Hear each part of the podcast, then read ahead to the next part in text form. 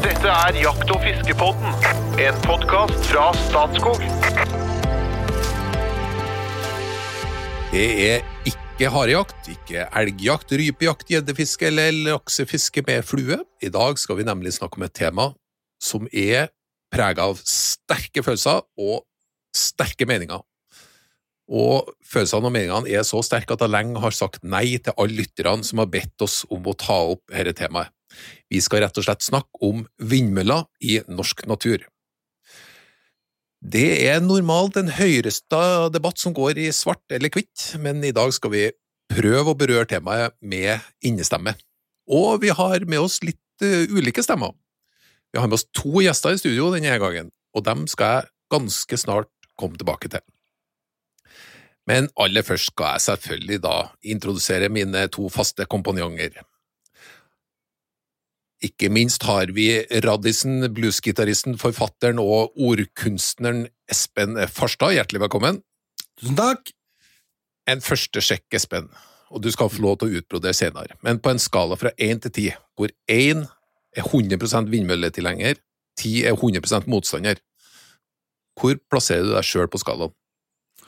Kommer an på hvor den der vindmølla står hen, det, vet du, så det er vanskelig, vanskelige spørsmål. Det er som å si ja eller nei til ulv, vet du. vi svarer ikke på sånne spørsmål. Så gå videre, du. Så skal vi ta det etterpå. Ja. Not Ja. in my backyard. Vi går videre. Riktig. Da går vi over til vår egen professorspire, rypedoktoren fra Innlandet, som har laga sitt eget reir på gården i kirken her. Mann med seks frysere og tre dieselbiler. Hjertelig velkommen, Jo Inge Bresjeberget. Hallo, hallo, hallo. Og hvis vi kjører samme skalaen til deg, da, fra én til ti, hvor eh, plasserer du deg? Jeg må svare på det. Ikke du heller! Not in my backyard. Ja, nei Jeg er vel på en åtte, kanskje. Sju-åtte. Ja.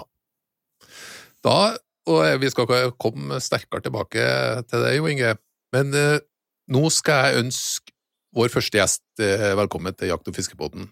Han er professor i biologi, og han er kjent for sin unike evne til å forklare kompliserte sammenhenger på forståelige måter.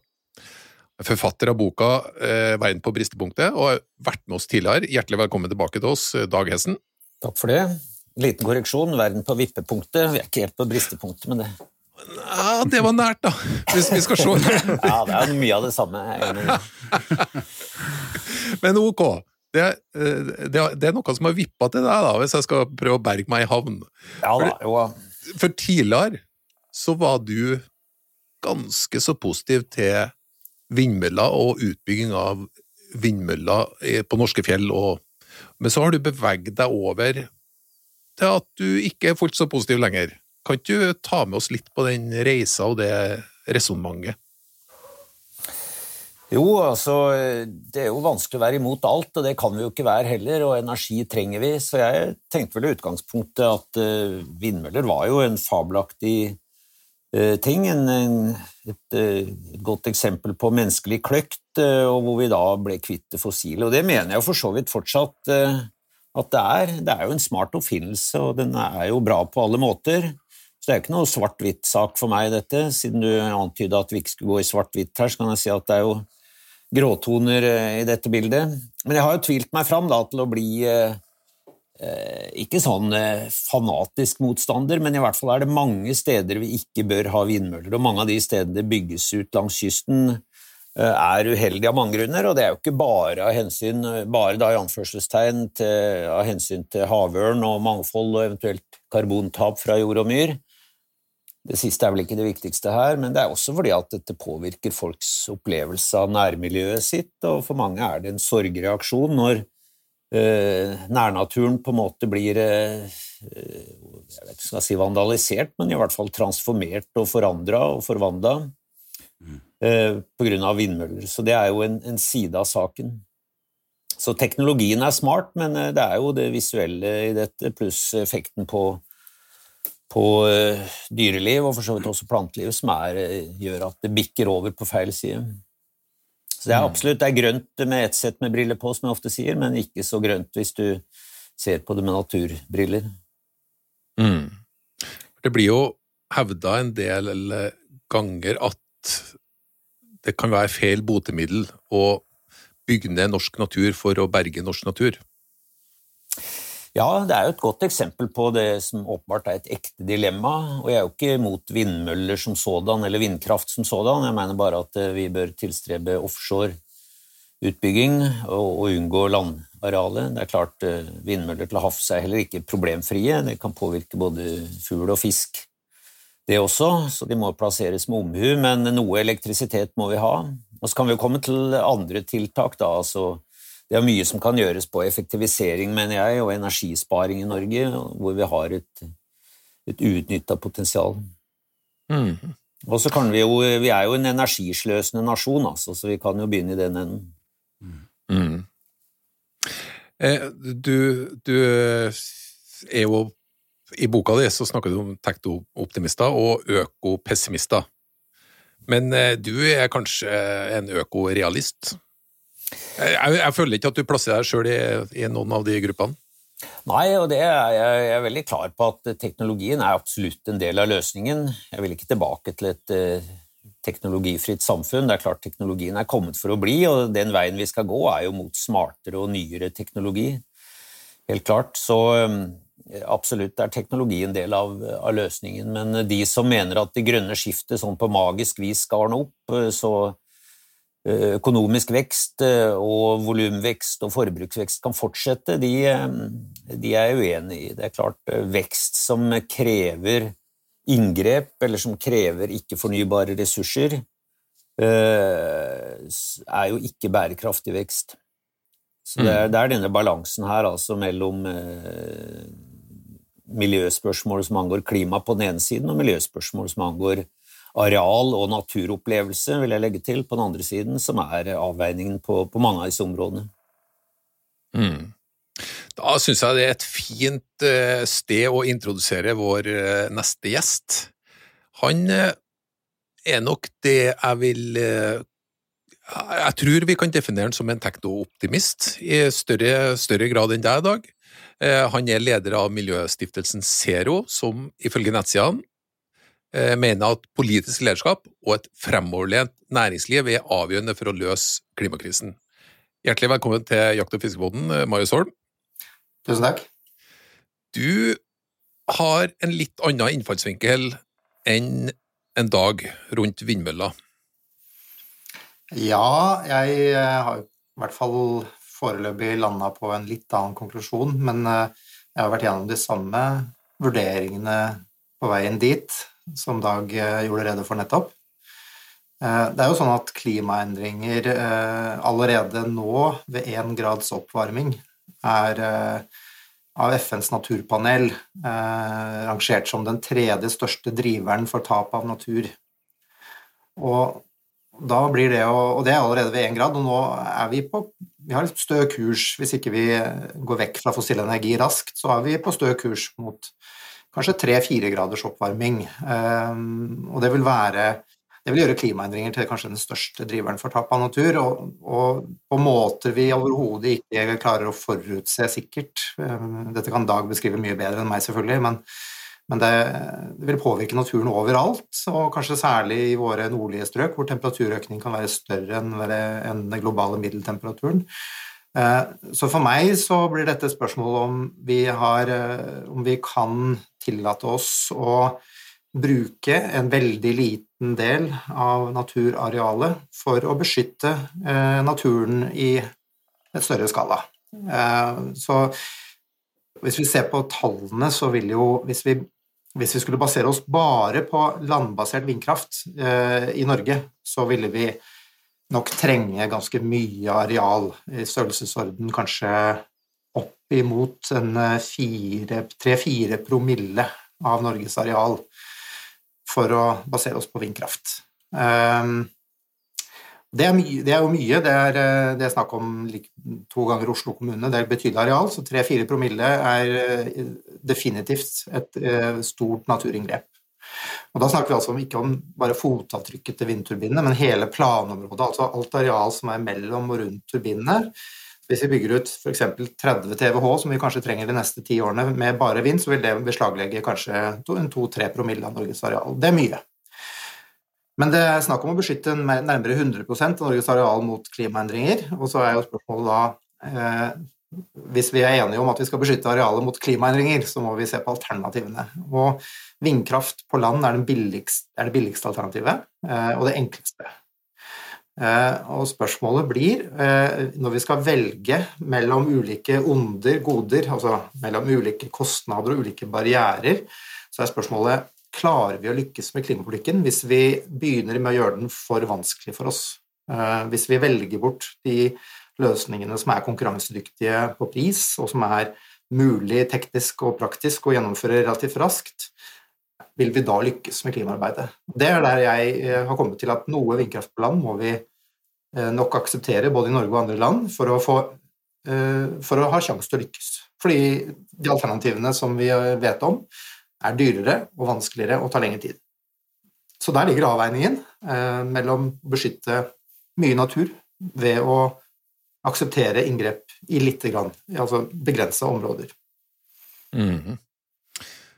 Jeg skal sende ballen litt tilbake til deg, Dag. Eh, for du, du, snakker om to ting. Du snakker på ene, på ene sida om redusert forbruk, og på den andre sida snakker du om energiproduksjon på en annen måte. Hva er de, etter ditt skjønn, hva er de akseptable måtene for å øke energiproduksjon? Ja, det er jo flere alternativer her. her. Den eneste vi er enige om, eh, er jo at eh, økt oljeutvinning, økt oljeforbrenning og i enda større grad selvfølgelig økt kull, men nå er jo kull på alle vis på vei ut, så det behøver vi ikke å ta med her, men eh, det er jo den åpenbart uakseptable. Og jeg deler jo, eh, er, Marius er jo 100% enige om eh, klimatrusselen og hva vi går i møte der hvis vi ikke får ned CO2-utslippene. Og det er jo det som er med å gjøre dette til et ekte dilemma, et slags sånn pest- eller kolera-dilemma. Vi kunne jo også trukket inn muligheten for atomkraft her og økt utvidelse av vannkraft, eller utvinning av vannkraft, for å komplisere det. Jeg, er ikke, jeg har også tvilt meg mer i retning av at jeg kan være villig til å akseptere atomkraft. Eh, hvis situasjonen blir prekær klimatisk, så er vi simpelthen nødt til å tenke de baner. Og tilsvarende med vannkraft. Vi kan ikke da nødvendigvis si absolutt nei til all vannkraftutbygging, selv om det også vil ramme selvfølgelig natur. Så helt, eh, helt inngrepsfritt kan ikke dette bli. Men eh, jeg tenker altså i første runde så bør vi jo se hva som ligger i eh, muligheter for eh, energieffektivisering. Og så må vi se hva slags tilbud som er, og kanskje må vi også være villige til å betale mer for kraften. Det er selvfølgelig en problematisk ting å si etter at vi har vært igjennom en periode med rekordhøy strømpris, men strømprisen generelt er jo ikke veldig høy i Norge. Det er jo litt det samme jeg mener vi må være villige til å betale mer for mat også, for å ha et økologisk bærekraftig landbruk, så dette racet mot eh, billigst mulig, det er sjelden godt for, for miljøet. Men i hvert fall i, i, i mine øyne så er eh, en diskusjon om eh, energieffektivisering, redusert energiforbruk, et sted å starte, og så får vi se hvor langt vi kommer med det så er jo dette selvfølgelig del av en veldig mye større debatt med elektrifisering av sokkelen.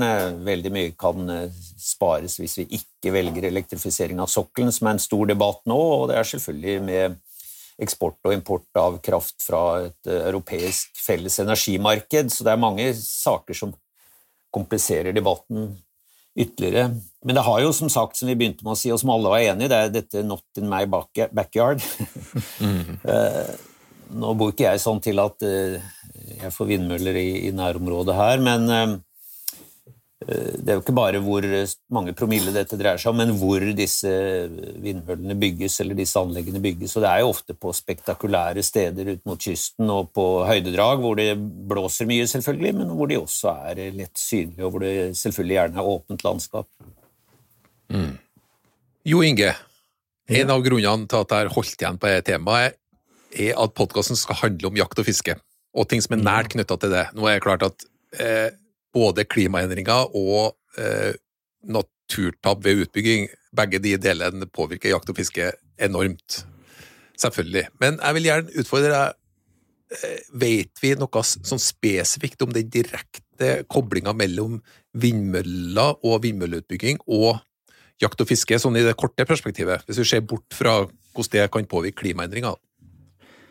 Eh, ja, ja, vi vet jo litt. Men eh, egentlig, egentlig ikke så veldig mye. Jeg har drevet og søkt litt i litteraturen og, ferdig med litt på debatten og det.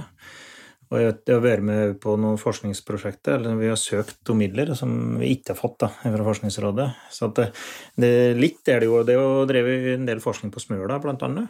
Eh, gjort en del forskning på ryper og havørn, blant annet. Og det, det, er klart at den påvirker jo viltet vårt, og den påvirker òg eh, mennesker da, rundt som ser på det her. Så, en ting er liksom kollisjonen med vindturbiner, det er jo en reell fare, selvfølgelig. Og så har du da det tap eller endring til habitat. Det er jo en veldig stor greie, at du beslaglegger mye areal.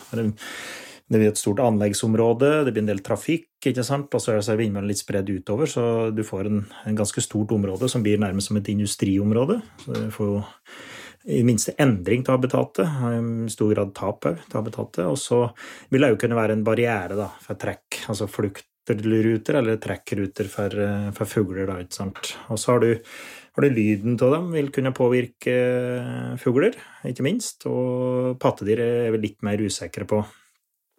Og og vi vet at uh, på tamrein er det gjort litt forskning, at den unngår disse områdene her da, på særlig kalvingstida og på vinteren. og Bare de ser dem. Og nå kom det en svensk studie på skogsfugl i ja, den kom nå i år, faktisk, som viste at skogsfugler unngår å bruke de områdene her. Da. At de, det ble færre fugler i de vindmølleområdene, og en ganske stor buffer rundt vindmølleområdet. De trakk vekk både i lekeperioden og på sommeren, når de hadde kølla.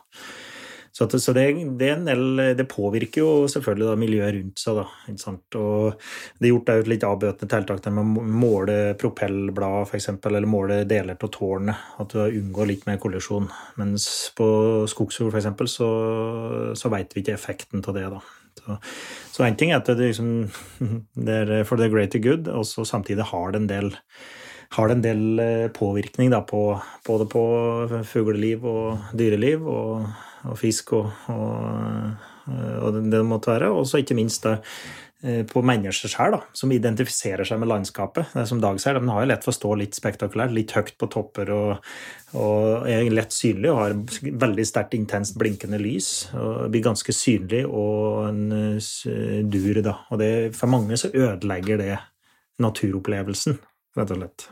Og det klarer du ikke å uttrykke i økonomiske verdier, f.eks. Eh, ødelagt naturverdi for de som bor eller ser på dem og ikke vil, ikke vil det. Da, så, så det, det, påvirker både indirekte og direkte, da, både jegere og, og vilt og fisken. Jeg kan faktisk fortelle at økonomene greier å sette det i tall, men det er ikke dermed sagt at det er rett. Nei, det er i hvert fall eh, vanskelig, da, vil jeg si. Ja, selvfølgelig, ja, det... selvfølgelig, går det an å tallfeste det. Alt går an ja. å tallfeste, men det er i hvert fall vanskelig. Mm. Men ok, du har, du har eh, noe som skjer med, med naturtapet, hvis, hvis, vi holder det, det menneskelige aspektet utafor inntil videre. Men du har en del konsekvenser for jakt og fiske i utbyggingsområder og når vindmøllene står. Men har ikke vi, merker vi ikke allerede ganske store konsekvenser av klimaendringer nå? Rype, hare, jo, for all del. Og rein, ikke minst. Altså, Tenk på fjellrype, rein og ja, liryper for den del. Altså, det her, vi lever liksom i ganske marginale betingelser allerede, så klart de vil jo de vil være noe av de første som merker dere klimaendringen. Så at uh, vi, det som vi sier, vi er jo helt avhengig av å ta, ta, tak da, på, på, alle fronter. ikke sant? Det, men det er ganske mangefasettert. da. Altså, som mm. Dag var inne på i stad. Så ja, jeg er helt enig. Og det, det er om du da skal eh, godta den, eh, den, den, her i tillegg, det her tapet her, da, i tillegg, for å bedre noe i andre enden. Og det er klart, det, jeg skjønner jo at det er ikke et helt enkelt spørsmål. Og jeg klarer ikke å være helt, helt konsekvent heller og si ja eller nei, men eh, jeg lander enn så lenge på det. At jeg håper det er andre ting vi kan gjøre. Og ikke minst se på forbruket. da. Mm, mm. Så eh, selvfølgelig, eh, Artom trenger det, men, eh, men, det er vanskelig. Jeg er jo alltid fornøyd med at vi har en med doktorgrad i rypeforvaltning, men når, når, vi har en professor i biologi, så kan jeg jo høre litt om han eh, kjenner til eh, Ja, hvis vi holder det menneskelige unna, betydninga for jakt og fiske, eh, som vindmøller og vindmølleutbygging har når vi ser bort fra klimaeffekt? Det blir så mange forutsetninger. Det er veldig vanskelig å diskutere, for det er utrolig sammensatt spørsmål. Ja, og det er jo dårlig vage forskningsdata. Nå er ikke dette noe felt jeg har fulgt så tett, så Jo Inge vet sikkert mer om dette. Men det har vært eh, urovekkende mange funn av eh, havørn som er drept eller skadd, eh, særlig på Smøla. Mer enn jeg faktisk hadde forventa.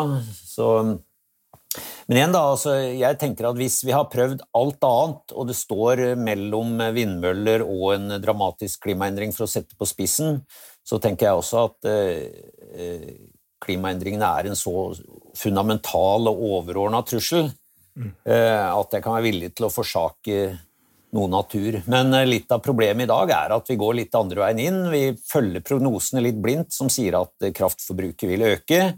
Da er det vår oppgave å følge prognosene lydig. Ofte blir det en sånn type selvoppfyllende profeti, og en måte å gjøre det på er da å bygge ganske kraftig med vindmøller. Og så er det jo litt av motivet eh, både for og mot vindmøller. Noen er jo mot vindmøller fordi de er for olje, ikke sant? det vil nødig bli assosiert med den leiren. Men eh, så er det også selvfølgelig et sterkt, et sterkt insentiv for denne utbyggingen av rent økonomiske grunner. og Det er jo et annet aspekt som på en måte kanskje ligger litt på sida, men med både vannkraft og oljen så har vi jo vært veldig flinke til å holde inntektene på nasjonale hender. og Vi har hatt hjemfallsretten, som var en genial oppfinnelse på vannkraft. altså at Etter en viss år, et visst antall år så nasjonaliseres disse ressursene. Det er klart, Den type ting må vi også ha på uh, vindkraft. så har, Det er mange som med meg har en følelse av at mye av dette er drevet vel så mye av kommersielle interesser som uh, som eh, en miljøbekymring, men det er klart av og til faller disse tingene sammen. Det er ikke noe galt at man tjener penger på å være grønn, men det bør ikke være det som er den sentrale drivkraften for at Norge skal eh, legge til rette for storskala utbygging langs, langs kysten og på andre høydedrag. Marius? Her er Dag inne på noe jeg eh, husker jeg stussa veldig på når jeg leste, den, leste boka di i dag.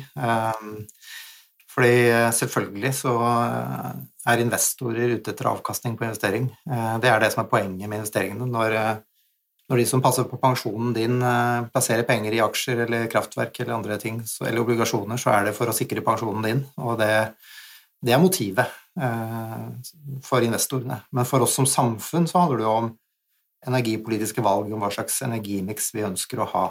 Og der er det jo sånn at vi, vi henter ut veldig mye av det potensialet som ligger i energieffektivisering, eh, til tross for at det blir flere og flere mennesker i Norge, og så, så bruker vi ikke mer strøm. Eh, vi har bygninger som Altså nye bygg bruker en brøkdel av det gamle bygg bruker, og vi eh, i Zero jobber jo veldig mye med å se på hvordan vi kan få det ytterligere ned. Vi har tatt initiativ til noe som heter Powerhouse, som er en bygg som er mer eller mindre selvforsynt med energi, og det er jo mulig eh, å gjøre mye mer av det.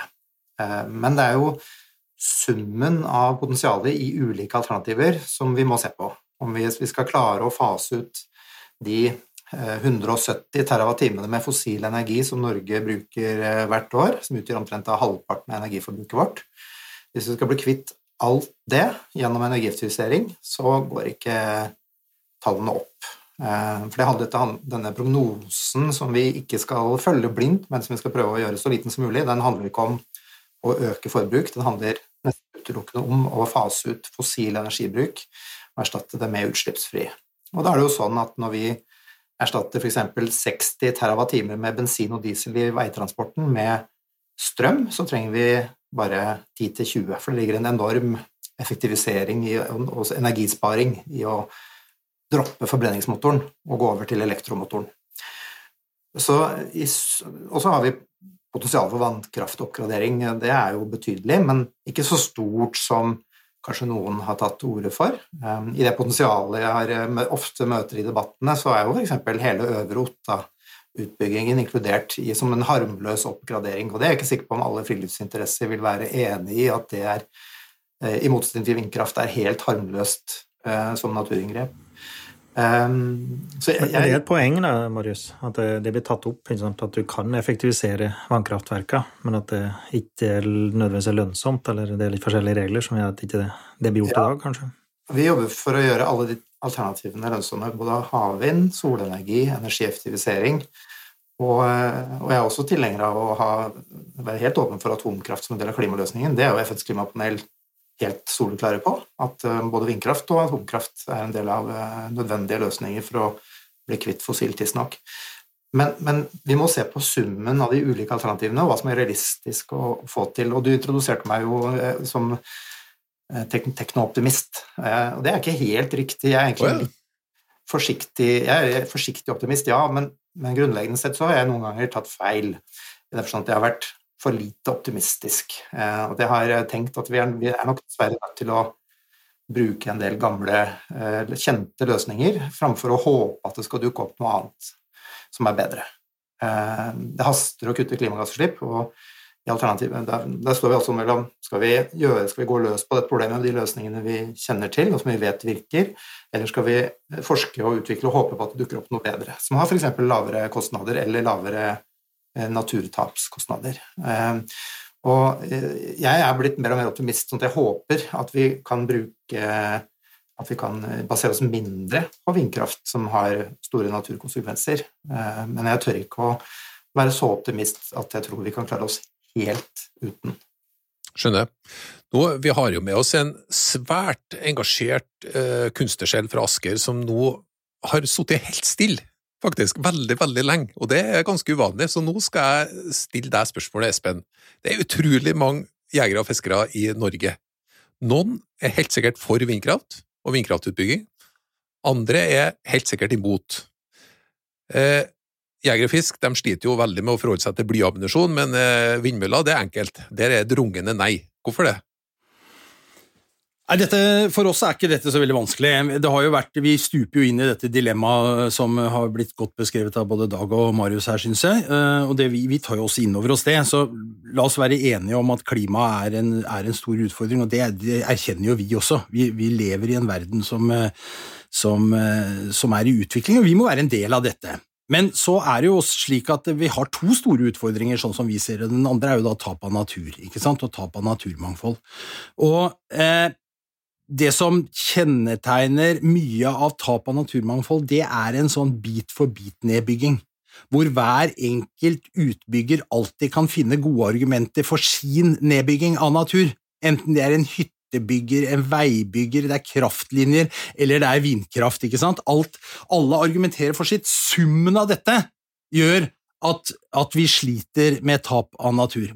Eh, og så hvis man prøver å løfte seg litt opp fra altså, Du sier at noen jegere og fiskere er for, noen er sikkert mot. Ja, det kan godt tenkes, men jeg tror nok de aller, aller fleste jegere og fiskere som er jegere og fiskere i sitt hjerte, vil synes at det er fælt med en ikke vindmølle, som du kaller det, for da ser jeg for meg en sånn dansk, litt hyggelig, lav eh, vindmølle fra begynnelsen av århundre, forrige århundre. Dette er jo vindturbiner, dette er jo industrianlegg, dette er jo 100 meter høye greier, ikke sant? Det er svære veianlegg. Det er en, et formidabelt inngrep i naturen der det foregår. Eh, og det vil de fleste jegere og fiskere tror jeg være enige om at det er ikke noe hyggelig. Og, og du berører liksom mange mer enn akkurat den der kvadratmeteren eller kilometeren du står på, for dette ses jo på langt hold, det høres osv. Jeg tror at vi skal hvis vi tar utgangspunkt i at vi har to store utfordringer, klima og natur, så må vi passe på at naturutfordringer ikke havner i klimaskyggen. For det at klima kan på en måte overskygge alt i argumentasjon, og da kan vi legge oss flate, så er det på en måte bare det som gjelder. Vi må klare å ha to tanker i huet på en gang. I Norge så bor det folk over hele landet. Det betyr at folk også blir berørt av vindmøller når vi setter opp vindmøller rundt omkring landet. Hadde alle bodd eh, i Oslo, så hadde det ikke vært noe problem. Ikke sant? Da kunne vi ofra litt natur. Men dette er, jo, dette er jo i folks bakhager. ikke sant?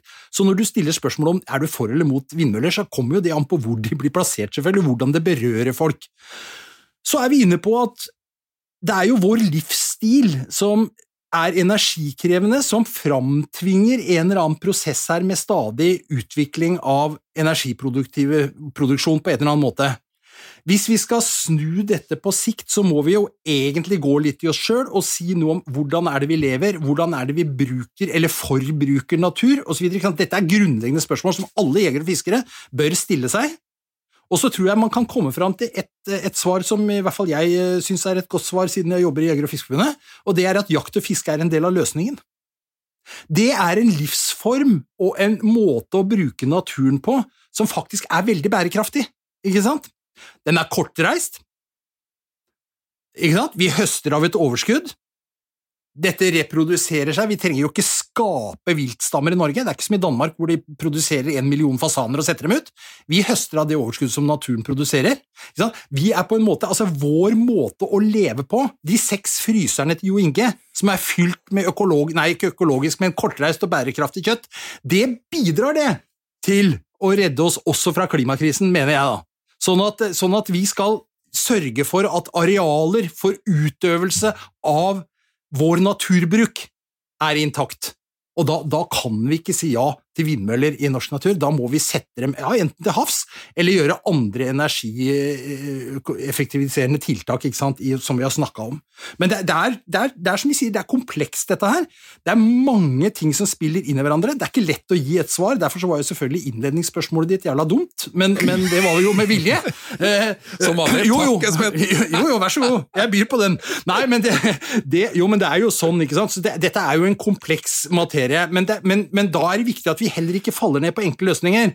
Ikke sant? Så, vi, så, så jeg, jeg, har stor respekt for Marius Holm. Jeg syns jeg synes det er så godt at det kommer noen og prater litt varmt for uh, å utbygge vindmøller for, fra den sida med stort hjerte for miljø.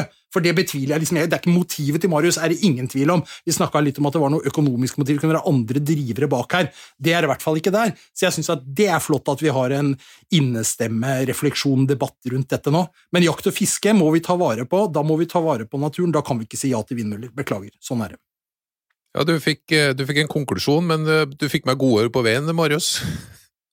Ja, jeg, jeg beit meg merke i mye av det, ja, det, du sa med livsstil. fordi jeg er helt enig i at jakt og fiske er eh, bærekraftig og ønskelig, og noe jeg håper vi kan drive med i Norge i, i all framtid. Samtidig så er jo livsstilen som, som, som ja, alle, kanskje vi, vi, fem her, eh, lever, eh, den er kanskje Hva består den av? Jo, den består kanskje av en enebolig, eller i hvert fall noe lignende. Og den består av en bil. Og skal man på fisketur i Femund, så trenger man sannsynligvis bil for å komme dit. Og eh, jeg opplever at ganske mange eh, argumenterer liksom med at man har den, det livet man lever med enebolig og en stor dieselstube som man bruker til å komme ut i, og, ut i naturen med, at det er en bærekraftig livsstil. Eh, og, da, skal, og, da, må vi liksom se på ok, ja, vi kan fortsette å kjøre, kjøre til fjells og dra på jakt- og fisketur. Vi kan det, men det må skje uten fossil energi, det må skje med strøm. Eh, og det er fullt mulig nå med de elbilene vi har tilgjengelig. Og da trenger vi strøm til å drive den bilen. Eh, og hvis vi skal fortsette å bo i hus, altså eneboliger, eller, eller rekkehus eller lignende, som er relativt ressurskrevende, så må vi ha strøm til å drive de. Men mye mindre enn i dag. Men, men det, er liksom, det, er noe med at vi må Det er veldig lett å ty til at eh, Det er to ting jeg syns vindkraftmotstandere ofte tyr til. Det ene er dette med livsstil. Ja, bare å endre livsstilen. Det er ikke bare. Vi må ha realistiske eh, veier til en mer bærekraftig livsstil. Det handler om å lage økonomiske insentiver til mindre forbruk. Mindre strømforbruk i dette tilfellet, men også mindre forbruk av andre eh, varer og, som krever, eh, krever, strøm og andre naturressurser. Og så handler det om eh, at det må skje fort hvis vi skal stanse klimaendringene. Um, det andre som jeg ofte hører, er dette med at beste måten å beskytte klimaendringer er å la naturen være i fred, fordi den lagrer så mye karbon. Du var inne på dette med myr og karbontap, og det er selvfølgelig nødvendig at vi unngår å bygge ut i myr, enten det er vindkraft eller andre ting. Men realistisk sett så er det klart at eh, naturen er ikke i stand til å ta opp de mengdene karbon som vi slipper ut fra fossilt eh, under noen som helst omstendighet. Eh, så vi kommer ikke unna at vi må få tak i eh, Vi må få vekk det fossile, og vi må ha masse ny, ren energi for å få det til realistisk innenfor de tidshorisontene som er, som, som er nødvendige. Og da, da, er det sånn Ja, vi kan si nei til vindkraft i Norge. Det er mulig å fortsatt løse klimaproblemet. Eh, jeg er enig i det. Eh, men det blir vanskeligere, og sannsynligheten for at vi lykkes, blir litt lavere. Og så er spørsmålet selvfølgelig det kan jo bare hende at det fører til at de bygger ut mer i Sverige, fordi i Sverige er de, bygger de ut masse vindkraft, og vi, det er ikke noe veien for å kjøpe svensk kraft. Men hvis vi ser sånn totalt sett på det, så vil verden ikke lykkes hvis alle sier nei takk til de løsningene som er litt ubehagelige. Jeg så underveis så, så begynte jeg å notere, Dag, så jeg skal sende, jeg skal sende ballen videre til deg. Men ta sånn legg, jeg skal sende meg en liten sånn uh, utfordring. Finnes det noen skjulte forutsetninger? Altså, jeg opplever at det finnes veldig mange skjulte forutsetninger i diskusjonen. Og vi er inne på noen av dem her. Er det, er det mange av uh, vindkraftmotstanderne som forutsetter at veksten skal stoppe, eller at levestandarden må ned? Ja, var det et spørsmål til meg? Ja. Det veit jeg jo ikke, men uh, sannsynligvis uh, ikke. Og det er jo selvfølgelig veldig lett å være enig i at uh, levestandarden må ned inntil regninga kommer på døra, eller du ikke får At det blir kvoter på kjøp av ny bil og den type ting. Det er jo samme vi ser med bompengeprotester og opprør når bensinprisen øker, så er folk som ellers sier at jo, de er bekymret for klimaendringene osv., men straks det rammer de selv, så, så får pipa en annen lyd. Så, men ellers altså, jeg vil bare, Veldig mye av det Espen sa, er jo ja, egentlig alt, tror jeg, var jeg er veldig enig. Det er jo en, en bit-for-bit-nedbygging. Det er dette at vi må ha et øye både på klima og på eh, naturtap, selv om muligens klima globalt sett i hvert fall er mest, mest presserende så er vi nødt til å ha en bærekraftighet eh, når det gjelder naturforvaltning på lang sikt, også fordi at naturen er faktisk helt avgjørende for CO2-uttak eh, og CO2-opptak. Altså opptak og utslipp eh, av CO2 fra økosystemer er jo enormt mye større enn våre utslipp, og for så vidt også våre evne til opptak, sånn at det å ha en stor, intakt natur både på land og til havs som kan ta opp CO2, er jo per i dag egentlig den viktigste forsikring av alle. Og så er det jo altså FNs eh, naturpanel er jo også vært, og mange andre har vært veldig klar på at den store utfordringen rundt dette er jo vårt levesett. Og så er det lett å si, selvfølgelig, men desto vanskeligere uh, å gjøre noe med. Eh, men eh, her er jo dels selvfølgelig at det må politiske insentiver til, helt åpenbart. Forurenseren må betale, og det er også sånn at eh, vi bør bevisstgjøres. Trenger vi en ny bil annethvert år? Er det sånn at vi må kjøpe en ny mobil bare fordi vi har råd til det, er kommet en ny kul modell? Og så må det selvfølgelig være helt andre insentiver på å gjøre noe med den berømte sirkulære økonomien som vi har snakka om i 30 år, men som først nå begynner å bli tatt på alvor og når man bygger et uh, ny betongbygning, så bør den bygges for å stå i 100 år, ikke i 20 år. Så det er klart, det er veldig mange av disse grepene som vi vet at vi ikke bare kan, men vi må gjøre. Uh, men problemet er, og der er jeg helt enig med Marius, at vi har ekstremt dårlig tid. Da. Dette har vi visst i 30 år. Hadde vi begynt å handle når vi burde, så hadde situasjonen vært en helt annen. Med utslippene fra 2019 i hvert fall, så har vi passert utslipp som tilsvarer 1,5 grader på under ti år. Så vi er i ekstrem tidsnød, og det gjør at jeg da har begynt å se med nye øyne på mulighet for atomkraft, selv om det er selvfølgelig også noe som ikke er gjort på i en håndvending. Det tar ganske mange år å bygge ut atomkraft, og det er jo heller ikke noe vi Det er også et sånt pest- og kolera-problem, og det samme med oppgradering av, av vannkraft. Men i bunnen av dette så ligger altså premisset om at eh, energiforbruket skal øke osv., som, eh, som vi må ta et eh, oppgjør med. Jeg er enig med deg, Marius, at det er klart vi har fått en enorm energieffektivisering, og elektrisk er uendelig mye mer effektivt enn diesel, og selv dieselbiler slipper ut i dag en brøkdel av det de gjorde for 20 år mm. siden. så Effektiviseringen går i riktig retning, men litt av problemet er at det spises langt på vei opp av volumveksten. Jeg, jeg, skal sende eh, ballen videre, men jeg må bare høre med deg, Marius, på akkurat én ting han Dag sa nå. Vi må ta et oppgjør med behovet for økt energi. Er det mulig å ta et oppgjør med det? Ja, selvfølgelig, og det gjør vi jo.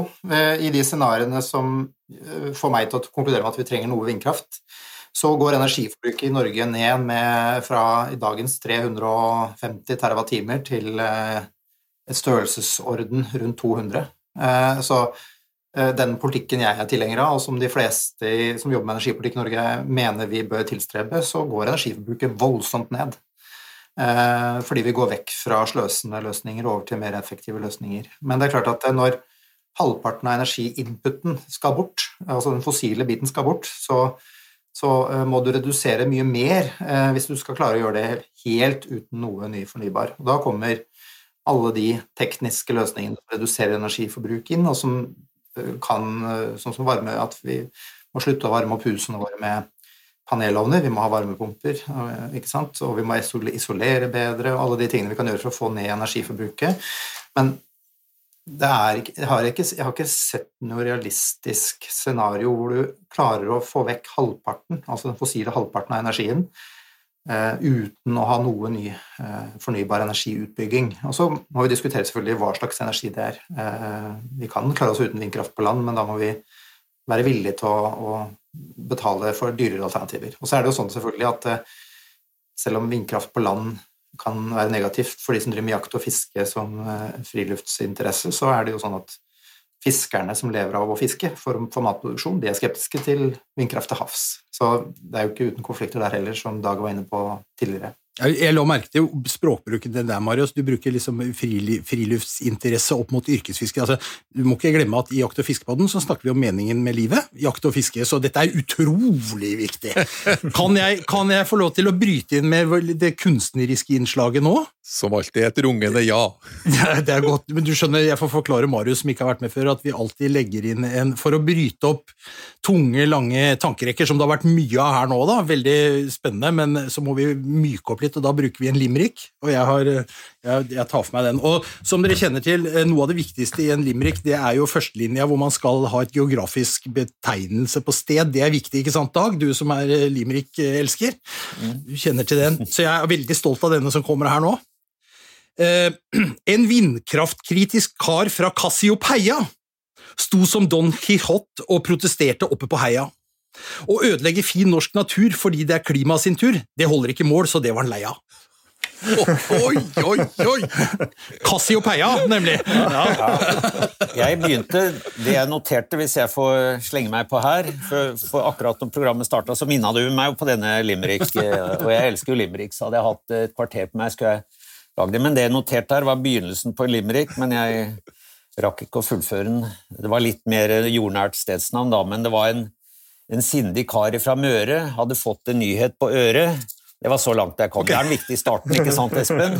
Ja. Eh, men eh, nyheten var jo da dette med vind, vindkraftutbygging i nærområdet, som får til og med sindige sunnmøringer altså, til å lenke seg sammen i, i protest. Eh, er, men poenget med dette er jo at det menneskelige aspektet som vi hittil har skjøvet litt eh, til siden. Det er jo, jeg mener det er jo et legitimt argument. Det, man kan kalle det irrasjonelt. Eh, altså Grunnen til at vi ikke vil ha svære eh, ledningsnett på fjellet eller hyttebyer i turområdet vårt, eller hva det er, det er jo ja, det er dels fordi det kan forstyrre villrein osv. Det kan være mer eller mindre legitime argumenter, men ofte er jo i bunnen av alt dette ligger jo Eh, en følelse at det er fremmede elementer. det ødelegger naturopplevelsen, og det er selvfølgelig kan godt kalle det irrasjonelt, men det er nå en, en, gang sånn det er. Så mm. jeg tenker at det er et legitimt argument, og et viktig argument også, at eh, ødeleggelse av nærnatur, enten det er 100-meterskogen ved siden av der du bor, eller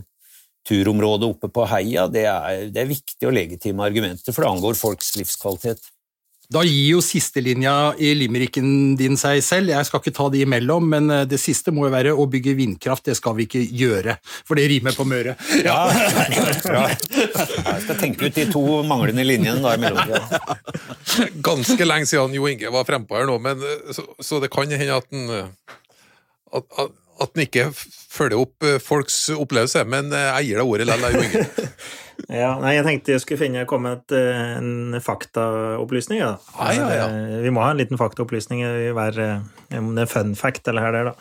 Så jeg tok også leste meg opp litt i går, så må vi Marius og Dag og dem må jo opponere hvis det, hvis det ikke stemmer. Men jeg fant en jeg fant en rapport fra Eptivin som anslo at det er ca. 2,5 millioner tonn komposittmateriale i bruk i vindkraftsektoren. Det er i all hovedsak da mm, propellblader.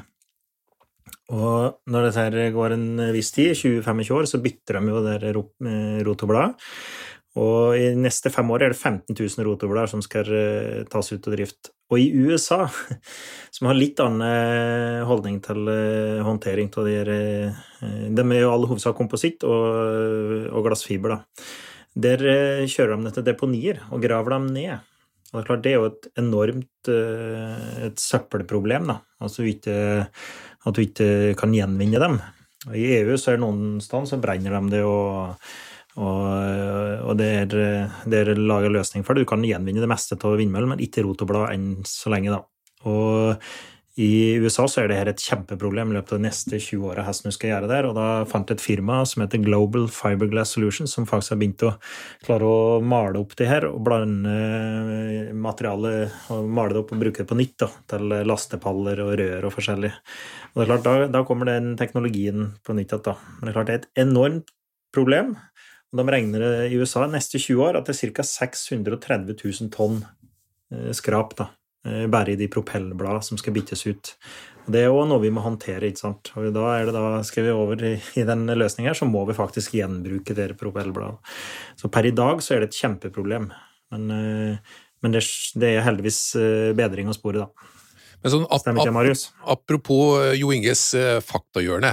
I den diskusjonen her, altså ikke i dag, men i diskusjonen rundt vindmøller, syns jeg er utrolig vanskelig å vite hva som er faktum. For her flagrer det rundt veldig, veldig veldig mange påstander, så jeg blir veldig usikker på hva, hva man egentlig kan forholde seg til. Det er det ene. Vel, fakta er veldig vanskelig. Og det andre som overrasker meg, er intensiteten i debatten. For den er veldig svart-hvit, og, og, og, veldig sterke følelser. Altså Når jeg er ute og så eh, stopper sykkelturen min av at man har en gigantisk veiutbygging, der er det, det er ingen diskusjon rundt den veiutbygginga når det er snakk om en vindmølleutbygging, så er det Altså, det påvirker jo folk enormt sterkt. Hvorfor blir frontene så steile og følelsene så sterke rundt eh, vindturbiner? Marius? Det åpenbare svaret er jo det som vi har diskutert her, at det er store, synlige naturinngrep. Um, men nok, jeg tror nok det også rører ved noe annet. fordi eh, som flere har vært inne på, så er det litt forskjellige motiver for og mot vindkraft. De fleste av de som vi omgås, er opptatt av eh, å ta vare på natur, men det er også noen som er mot vindkraft fordi det er noe nytt som man, ikke, som man er skeptisk til, eller fordi man er glad i det man har. Man foretrekker dieselbilen, man, foretrekker, man misliker elbilen. Eh, og man er glad i olje og gass og kullnæringen og er skeptisk til det som skal skyve den ut. Så jeg tror det er en sånn blanding av motiver som gjør at det blir mye følelser. Og så har vi også antagelig trådt feil, som Dag litt, også var litt inne på, med at eh, det for liten, for liten del av fordelen og verdiskapningen tilfaller lokalmiljøet. Eh, da gjorde vi ting riktig med vannkraft, men har ikke lykkes så godt med vind. Og det var jo fordi det var ingen som tenkte på det, fordi vindkraft var jo ulønnsomt. Eh, vindkraft var også ganske ukontroversielt da det var ulønnsomt. Eh, så de første årene jeg jobbet med dette, så var kritikken mot vindkraft at det var ulønnsomt. Eh, mens nå som det har blitt lønnsomt, så er kritikken at det er lønnsomt. Eh, at man gjør det for å tjene penger. Ehm, men eh, jeg tenker at det er en sånn blanding av at er, eh, vi har gjort ting litt feil, og at eh, det er, er et reelt naturinngrep som ikke folk ønsker. Det skaper sterke følelser.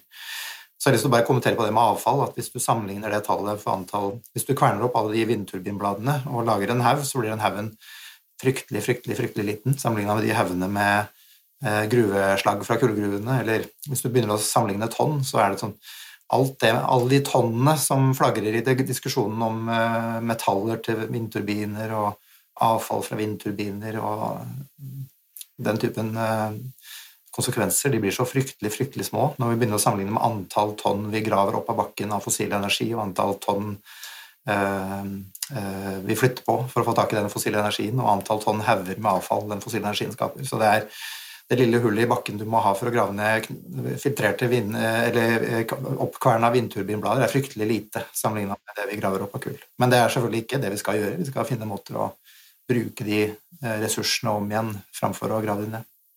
Jeg har jo også sett de groteske bildene av gravplasser for vindkraft, altså turbinblader. Igjen så er det, så er det veldig sånn sterke følelser i sving.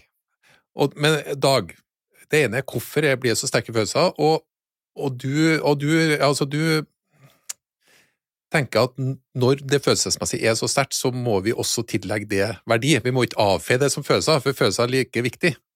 Forstår jeg det rett? Ja, jeg mener det. Det er klart det kan være at noen føler veldig for og noen veldig imot, og da blir det jo en sånn 50-50 som kan ikke tas til inntekt for verken eller. Men det er klart, de aller fleste lokalt eh, har jo sterke følelser mot. Og det er basert på følelser eh, mer enn kanskje rasjonalitet, men, men likevel, altså, vi er nå engang utstyrt med følelser fra evolusjonens side, så, så vi gjør av og til klokt eh, å lytte til de, og det, det er veldig forståelig at uh, sånne visuelle, ødeleggende opplevelser vekker følelser. Selv om det er en del som er akkurat like ihuga motstandere, mer av ideologiske grunner, som Marius sier, fordi de, dette er noe nytt, og de, er, de mener at dette, skal, dette, truer oljenæringen som de er glad i. Så motivene er mange. Og så tror jeg, uh, som jeg har vært inne på, at uh, det er klart det har også med en følelse at ja, det er lønnsomt, men dette kommer noen private aksjonærer og i verste fall i skatteparadiser og i utlandet til gode, som blir noe helt annet enn om det kommer det norske samfunnet til gode. Og Der igjen Norge har gjort så veldig mye bra tidligere, hvor vi i motsetning til mange andre som har funnet olje, enten har fordelt eh, oljen på en, håndfull eh, av, noen få bemidlede, eller øksla den bort, så har vi klart å salte ned dette i, en, eh, i et pensjonsfond som er forbilledlig. Og, og, vi har gjort det samme med vannkraften. Så jeg tror nok at det hadde sukra pillen for mange hvis, hvis, man kunne vise til lignende løsninger for, for vindkraft. Mm. Men jeg vil jo berømme altså Det er klart det er veldig lett å være imot ting. Alle kan si hva de er imot, eh, og da må man jo ofte komme med et alternativ. Så jeg, eh, som Espen også sa, jeg har jo aldri tvilt på Marius sine motiver her, og jeg er veldig glad vi har noen som også tenker eh, konkret hva kan vi gjøre, istedenfor bare å, sette seg i en stol med armene i kors og si at dette vil jeg ikke ha noe av, dette er imot. Mm. Mm. Så, så det, Av den grunn er ikke jeg sånn kategorisk at uh, jeg mener at uh, vindmøller må være forbudt uh, som sådan. og Det finnes helt åpenbart steder i Norge tror jeg, hvor man kan akseptere en utbygging av dette uten at det kommer i voldsom konflikt med, med miljø og, nærnatur. Men mange av de stedene vi har valgt så langt, har jo skapt konflikt både i forhold til natur og i forhold til mennesker. Og så mener nok jeg også fortsatt at vi har en, en, lang vei å gå med å utrede Eller ikke utrede, men å sette i gang med alternative tiltak. Mm. Men det er klart, myndighetene må på banen her. altså Hvis eh, norsk, hvis norsk næringsliv og norske politikere hadde stilt mer helhjerta opp for solcellenæringen når den så sin spede begynnelse i Norge, vi var jo en pionernæring her, så hadde den vært konkurransedyktig pris i hvert fall ti år før den faktisk ble konkurransedyktig. Eh, og slik må man også nå tenke om vindnæring og muligens også hydrogen.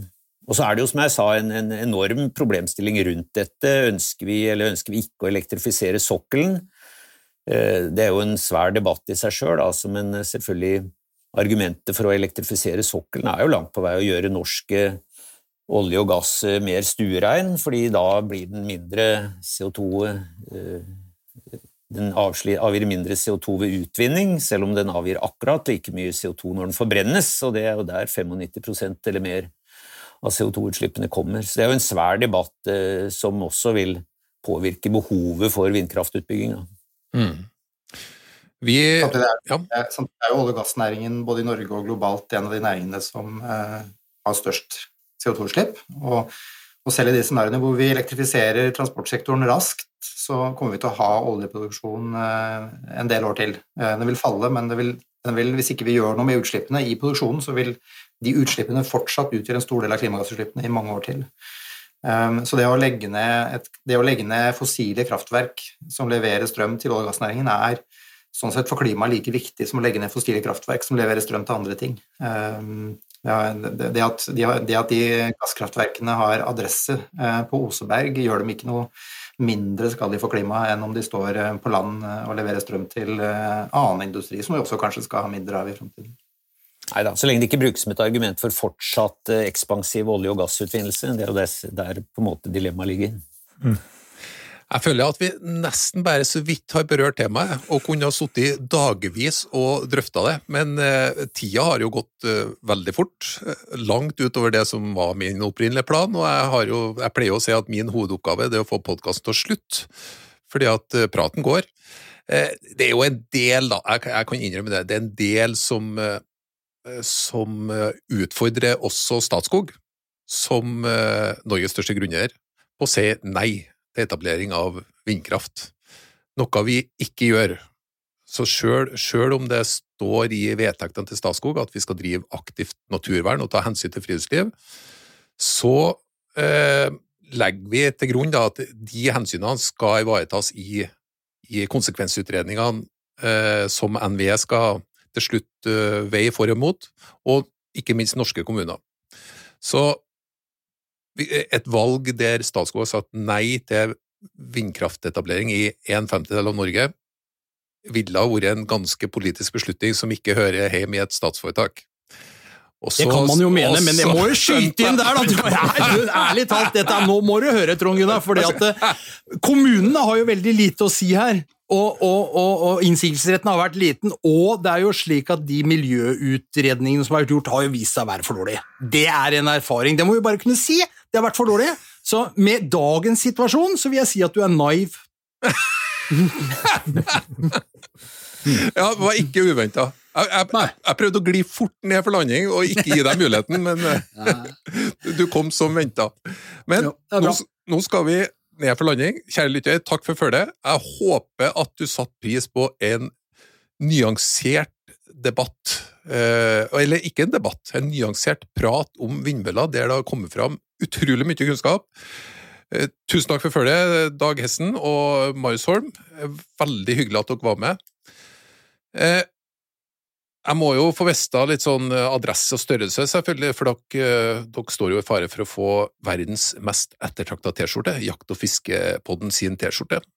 Og til alle dem som spør om å få kjøpe T-skjorta, så sier jeg at det beste i livet kan ikke kjøpes for penger, og det er da Jakt- og fiskepoddens T-skjorte. Men før vi tar i kveld, noe du ikke vet om, Marius, men vi skal en, eh, kjøre en hot or not. Det foregår sånn at jeg stiller spørsmål, og dere svarer enten hot eller not. Ikke noe utlegning eller noe for, forbehold osv. Hot eller not. Og svaret skal komme helt uten betenkningstid. Ser du ble litt bekymra, men vi kjører videre. Rekkefølgen er Jo Inge, Espen, Marius, Dag. Alle sammen klar? Ja. Lønningspils, hot or not? Hot. Hot. Hot. Hot. Mygg, hot or not?